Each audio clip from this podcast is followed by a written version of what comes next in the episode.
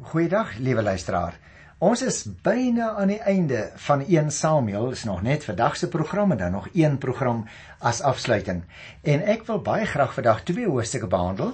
Bekende hoofstukke in 'n sekere sin 1 Samuel 27 en 28.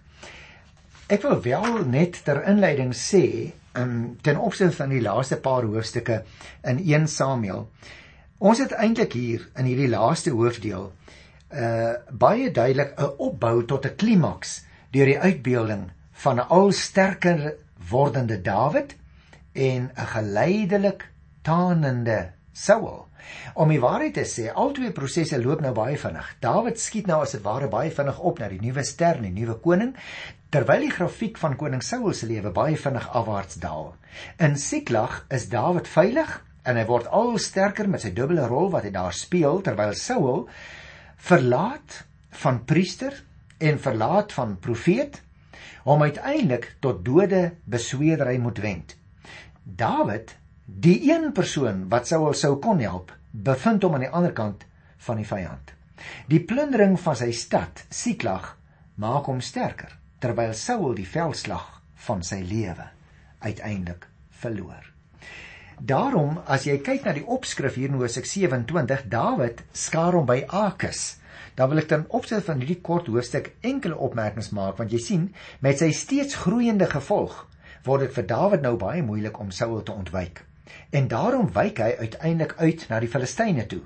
Maar hy moet nou hierdie dubbele rol vervul om sowel sy gasheer as sy mense in Juda se vertroue te probeer behou.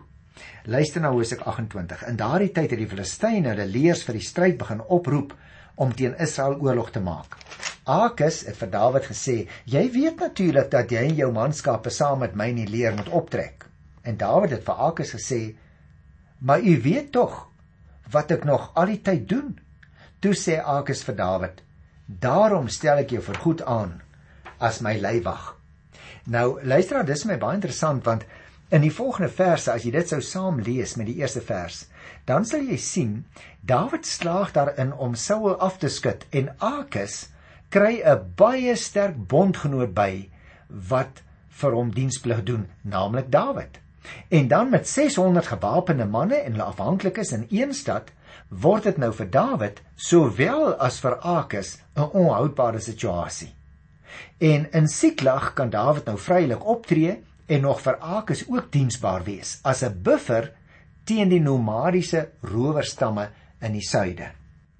En dan baie interessant liewe luisteraar word die verhaal as dit ware eensklaps onderbreek. Want dit is hier by die 3de vers van 1 Samuel 28 waar die gebeurtenis met die towerheks van Endor plaasvind. Ek gaan dit vir julle lees en dan wil ek baie graag so 'n bietjie met jou daaroor gesels.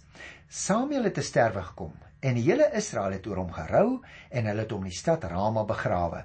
Saul het ook oor die dode besweerders en die waarsêers uit die land verban. Met ander woorde, jy onthou nog, liewe luisteraar, dat voordat hulle nog die beloofde land ingetrek het, die Here vir hulle gesê het in Deuteronomium daar by die 22ste hoofstuk, hulle mag niks te maak hê met uh dode besweerders nie. Gevolglik is dit ook vir my baie interessant dat Saul tydens sy lewenstyd die dode besweerders en die waarsêers laat doodmaak het. Maar nou blyk dit daar tog 'n paartjies oorgebly. Ten minste een het oorgebly. En wat my ook geweldig aan die hart gryp as ek dit lees. Saul het geweet waar daai towerheks bly. Nou staan daar in die 7de vers, Saul het vir sy amptenare gesê: "Soek vir my 'n dode besweerder sodat ek haar kan gaan raadpleeg." Sy amptenare het vir hom gesê: "Daar is 'n dode besweerder in Endor." Saul het hom vermom ander klere aangetrek. Hy en twee manne het gegaan in die nag by die vrou aangekom en gesê: "Tree vir my as waarsegster op deur die gees van 'n afgestorwene en laat my die een opkom wat ek jou sal sê." Nou, liewe luisteraar, ek wil nie op die detail hier vasval nie, maar dit is 'n baie interessante gedeelte wat ons hier het, want jy sien, as jy die verhaal gaan lees hier van vers 8 af, dan as jy agterkom die vrou is eers agterdogtig. En ironies genoeg, Sweer Saul nogal by die Here, kan jy dit glo, oor 'n saak wat die Here verbied het? Hey, ek wil sê, hoe deur mekaar kan 'n mens se gees tog partykeer raak? Te min gegevens word regtig vir ons verskaf waaruit bepaal kan word presies wat daar plaasgevind het. Byvoorbeeld, Het die vrou van misleiding gebruik gemaak, soos dikwels in sulke gevalle gebeur? Het sy dalk magiese middels gebruik soos byvoorbeeld in ons tyd moderne okkultisme? Of het God tog hier die onverklaarbare laat plaasvind? Twee interessante dinge wat genoem word van my op. 1 dat die vrou skrik toe Samuel werklik verskyn en sy daaruit aflei dat die besoeker Saul moes wees. 'n Tweede ding val my op dat die vrou skynbaar nie as 'n medium in die gesprek optree nie maar dat Saul en Samuel direk met mekaar kommunikeer. Die feit dat die vrou geskrik het, toon dat sy dit self nie verwag het nie, so asof sy met 'n bo-natuurlike mag te doen het waaroor sy geen beheer gehad het nie. Het God dalk sy eie bepalinge opgehef ten einde die rampspoed van die voorkennis te illustreer? Wat ook al die geval is, die Bybel Broers en susters, maak op hierdie punt geen uitspraak oor die moontlikheid of dooies werklik opgeroep kan word nie. Die verbod teen hierdie praktyke in Deuteronomium 18 vers 9 tot 14 word egter nie opgehef nie. Wat beteken dit? In gewone Afrikaans reguit gesê, dit beteken jy en ek mag ons nie besig hou met die oproep van geeste uit die doodryk nie. Die Bybel sê nie dat dit nie kan gebeur nie. Maar die Bybel sê gelowige mense moet daarmee absoluut niks te maak hê nie. Nou op daardie punt wil ek so bietjie dit toepas op ons eie lewe en met jou 'n bietjie daaroor gesels want dit is vir my 'n baie interessante gedeelte hierdie. Jy sien liewe luisteraar, ons het baie kultuurgoed geërf uit die ou Griekse wêreld. En een van daardie erfgoed is die masker of die mombakkies. Die ou Grieke het naamlik daarvan gehou om dramas op te voer. En in daardie dramas dra die spelers dan maskers. Die masker laat jou van karakter verander in 'n sekere sin, hè, want hulle kan nie sien wie jy werklik is agter die skerm nie. Jy word iemand wat jy nie is nie. Jy gee voor as jy daardie masker op het ter wille van die spel. Nou toe jy 'n kinders was, het ons ook hierdie spel voortgesit in 'n sekere sin. Ons kinders doen dit baie keer nou nog. Jy vat jou ma se ou nylon kous, trek dit oor jou kop, né? Dan word jou neus plat en jou oë word breed en lank. Uh jou mond lyk eintlik lelik, jou ore val as dit ware af. Jy word in 'n sekere sin iemand anders. Nou in 1 Samuel 28 lyk dit vir my lees ons van so iemand wat voorgee, naamlik Saul. Die derde vers vertel Samuel die profeet het gesterwe.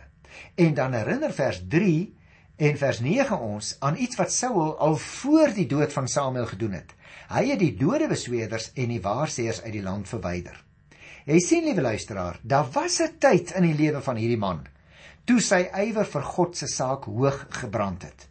Toe het hy hierdie mense laat doodmaak omdat hulle vir die Here gruwel was. En tussen hakies, die Bybel het nog nooit iets anders gesê nie, hoor. Vir God is towenaars en waarseers, 'n mense wat met afgestorwenes Peter 'n gruwel. Om die waarheid te sê, as ek jou net 'n ander teks mag noem, in 1 Kronieke 10 vers 13 word daar twee redes genoem hoekom Saul gesterf het.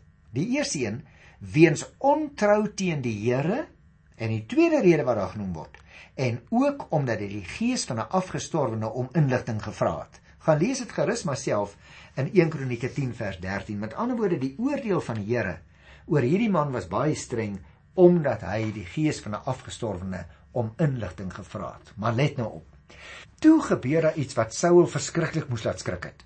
Want vers 4 en 5 vertel vir ons dat die Filistynse leers laer getrek het in Sunem. En hierdie seevolkere bewoon die laagland en hulle verkies om in die vlaktes te veg. Daar kan hulle strydkarre van yster natuurlik vol spoed loop en daar kan hulle voetsoldate hulle spiese van yster ook met geweld op die vyand aanslinger. Israel daarenteen verkies die bergland. En daarom sê vers 4 dat hulle by die gebergte Geboa saamtrek. Hulle het immers geen strydkarre nie en die Israeliete se wapen is ook veel swakker as die van die Filistyne. En daarom moet die berge in 'n sekere sin hulle beskud.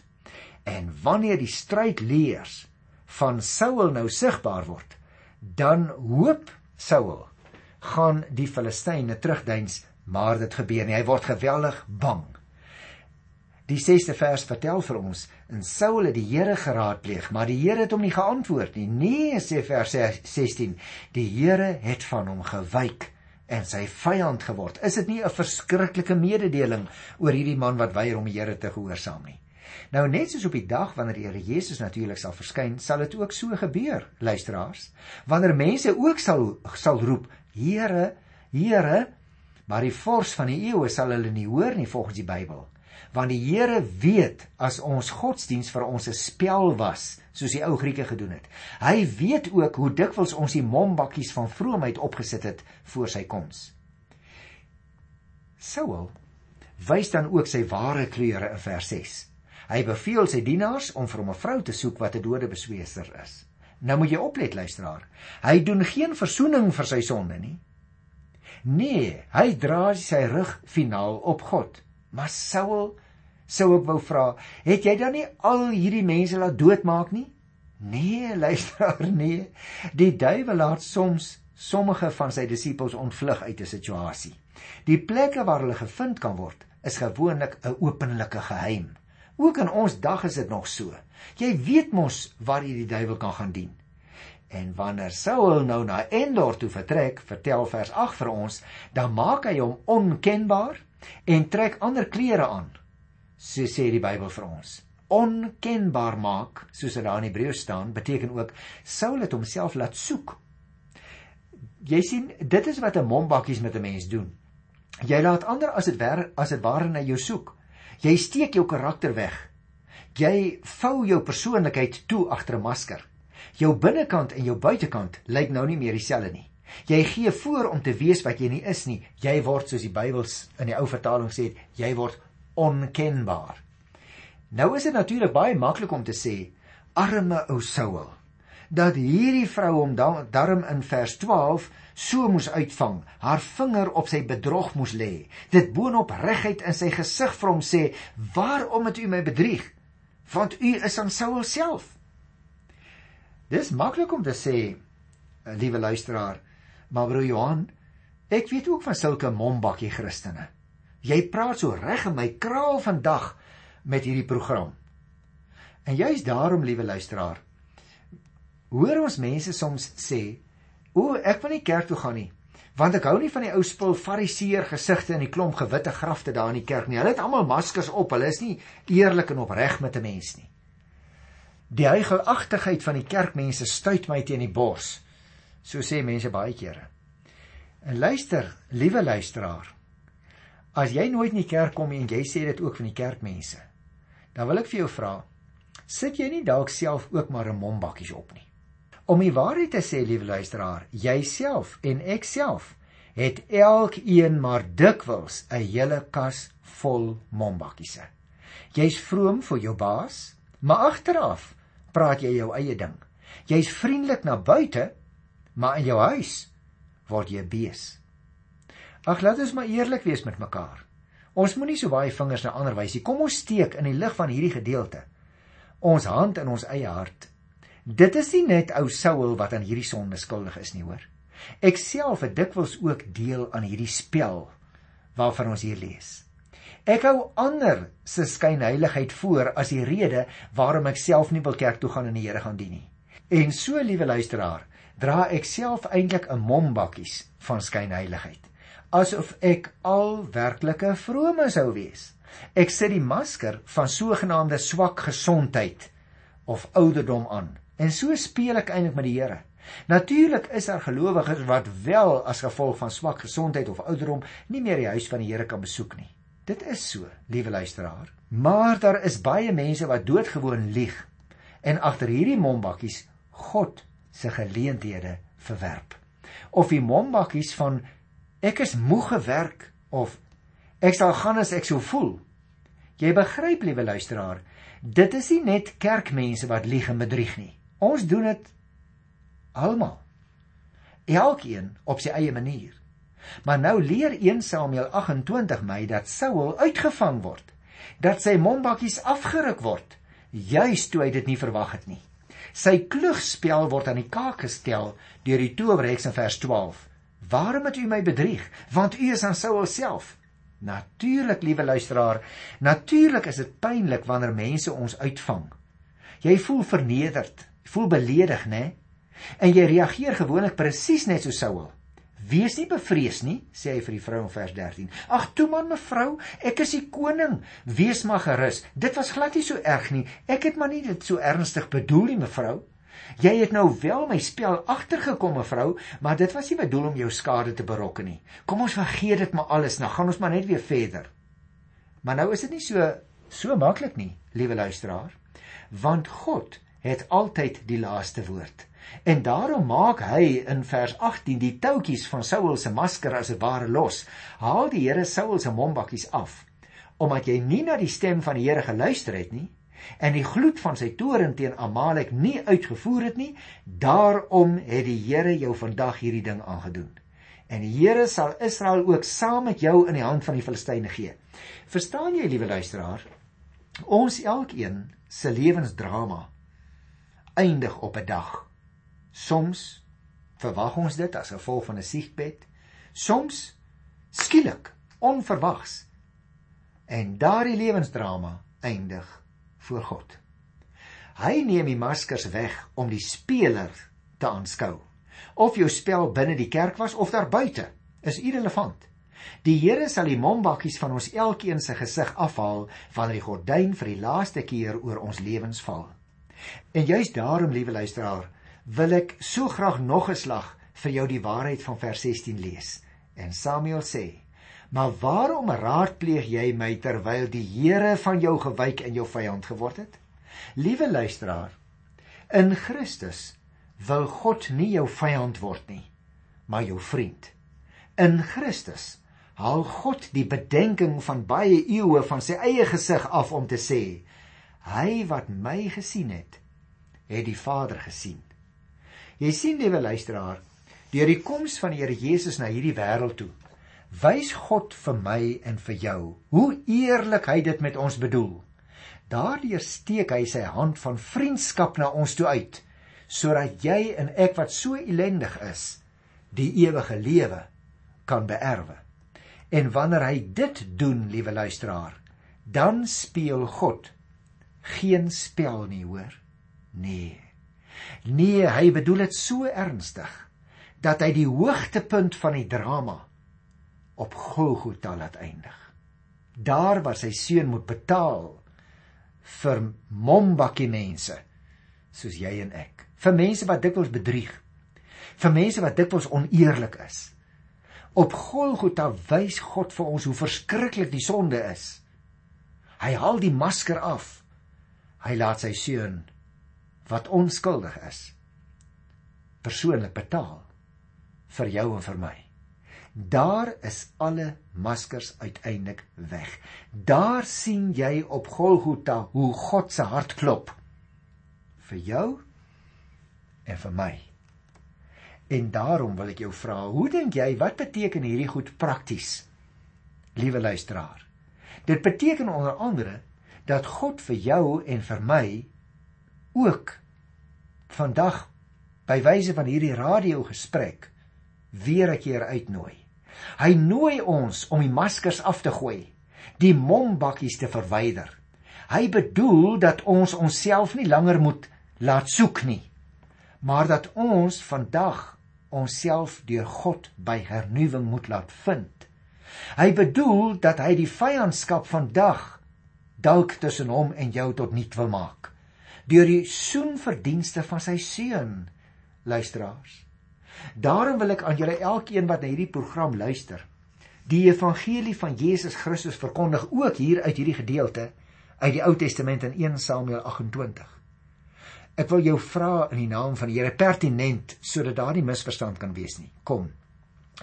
Kom jy en ek haal ons mombakkies vandag af voor die Here. Kom ons wys 'n slag eerlik vir die Here wie ons is, hoe ons lyk. Vir die eerste keer miskien of of dalk sê sê broer Johan dis vir die soveelste maal wat ek saam met jou vandag my mombakkies moet afhaal. Kom ons word elkeen dood eenvoudig onsself. Jy sien luisteraar, God wil dat jy en ek met hom eerlik sal wees geen mombakkies mens meer nie, maar liewer voluit, eerlik, elke dag kind van God. En dit alleen omdat dit God is wat dit vir jou en vir my moontlik maak.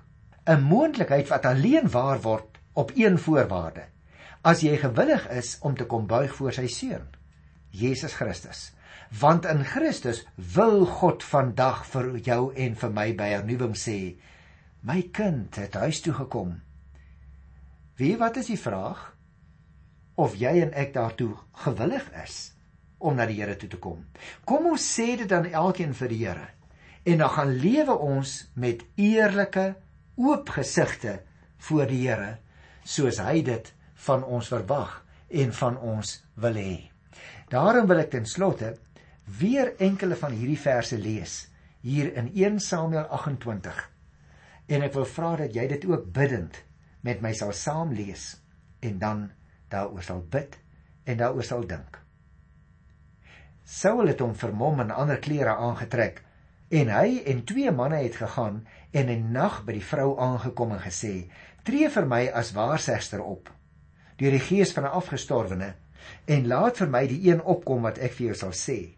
Maar die vrou het vir hom gesê: "Jy weet baie goed wat Saul gedoen het en dat hy die dode besweerders en die waarsêers in die land uitgeroei het. Waarom stel jy my in 'n lokval om my dood te maak?" Maar Saul het vir haar eet afgelê in die naam van die Here nogal staan daar. So seker as die Here leef, sal jy nie oor hierdie saak gestraf word nie. Toe vra die vrou: "Wie moet ek vir jou laat opkom?" En hy antwoord: "Laat Samuel vir my opkom." Toe die vrou vir Samuel sien, het sy hart geskreeu en vir Saul gesê: "Waarom het u my bedrieg? U is dan self Saul." Maar die koning het vra gesê: "Moenie bang wees nie. Wat sien jy?" En die vrou sê vir Saul: "Ek sien 'n wese uit 'n ander wêreld opkom uit die aarde." Hy sê toe vir haar: "Hoe lyk hy?" Sy sê 'n ou man kom op en hy het 'n mantel aan. Saul het toe geweet dat dit Samuel is. Saul het diep gebuig en eer hom betoon. Samuel vra vir Saul: "Waarom steur jy my? Waarom laat jy my opkom?" En Saul antwoord: "Ek is baie bang, want die Filistyne veg teen my en God het my verlaat. Hy antwoord my nie meer nie, nie deur profete nie, ook nie deur drome nie. Daarom het ek u opgeroep om my in te lig oor wat ek moet doen." Maar Samuel sê: "Waarom raadpleeg jy my dan as die Here jou verlaat het en jou teenstander geword het? Die Here het gedoen soos hy gesê het. Die Here het die koningskap van jou afgeskeur en dit aan jou naaste aan Dawid gegee." En dan lees ons luisteraars hoe dat Saul op die grond neergeval het en hoe beangs hy was. Maar daar staan daar hy het geweier gesê: "Ek wil nie eet nie." Sy manne en ook die vrou het by hom aangedring totdat hy hulle hulle sin gegee het. Hy het van die grond af opgestaan op die bed gaan sit. Dan lees ons hoe die vrou hom versorg het. Ek wil dus vir jou vra na hierdie ek wil amper vir jou sê hierdie gruwelverhaal uit die Bybel. Wil jy nie ook vandag die masker afhaal van jou gesig af nie? Wil jy nie ook in ootmoed voor die Here buig nie? Anders as wat Saul gedoen het. Want hy het nie in ootmoed voor die Here gebuig nie. In volgende keer se program gaan jy hoor hier uit die Here se woord hoe wreed hierdie man gesterf het op die slagveld. Hierdie man wat al die geleenthede gehad het, maar wat vir God bly weghardloop het totdat hy oneervol gesterf het. Liewe luisteraar, ek wil vir jou in die naam van die Here oproep. As jy dalk ook dink jy's al wat reg is en al die ander ouens dra maskers, hulle is verkeerd. Kom terug na die Here toe. Ons is almal verkeerd vanweë die sonde. Kom ons haal ons maskers af, ons buig voor die Here aan die voete van Jesus Christus die man uit Nasaret. Kom ons buig in ootmoed voor hom. Ons bely ons skuld. Hy het vir ons die reg gegee om te kom en hy het ook vir ons die reg gegee om te mag opstaan en regop te loop omdat hy in ons plek krom geloop het onder die gewig van 'n kruis.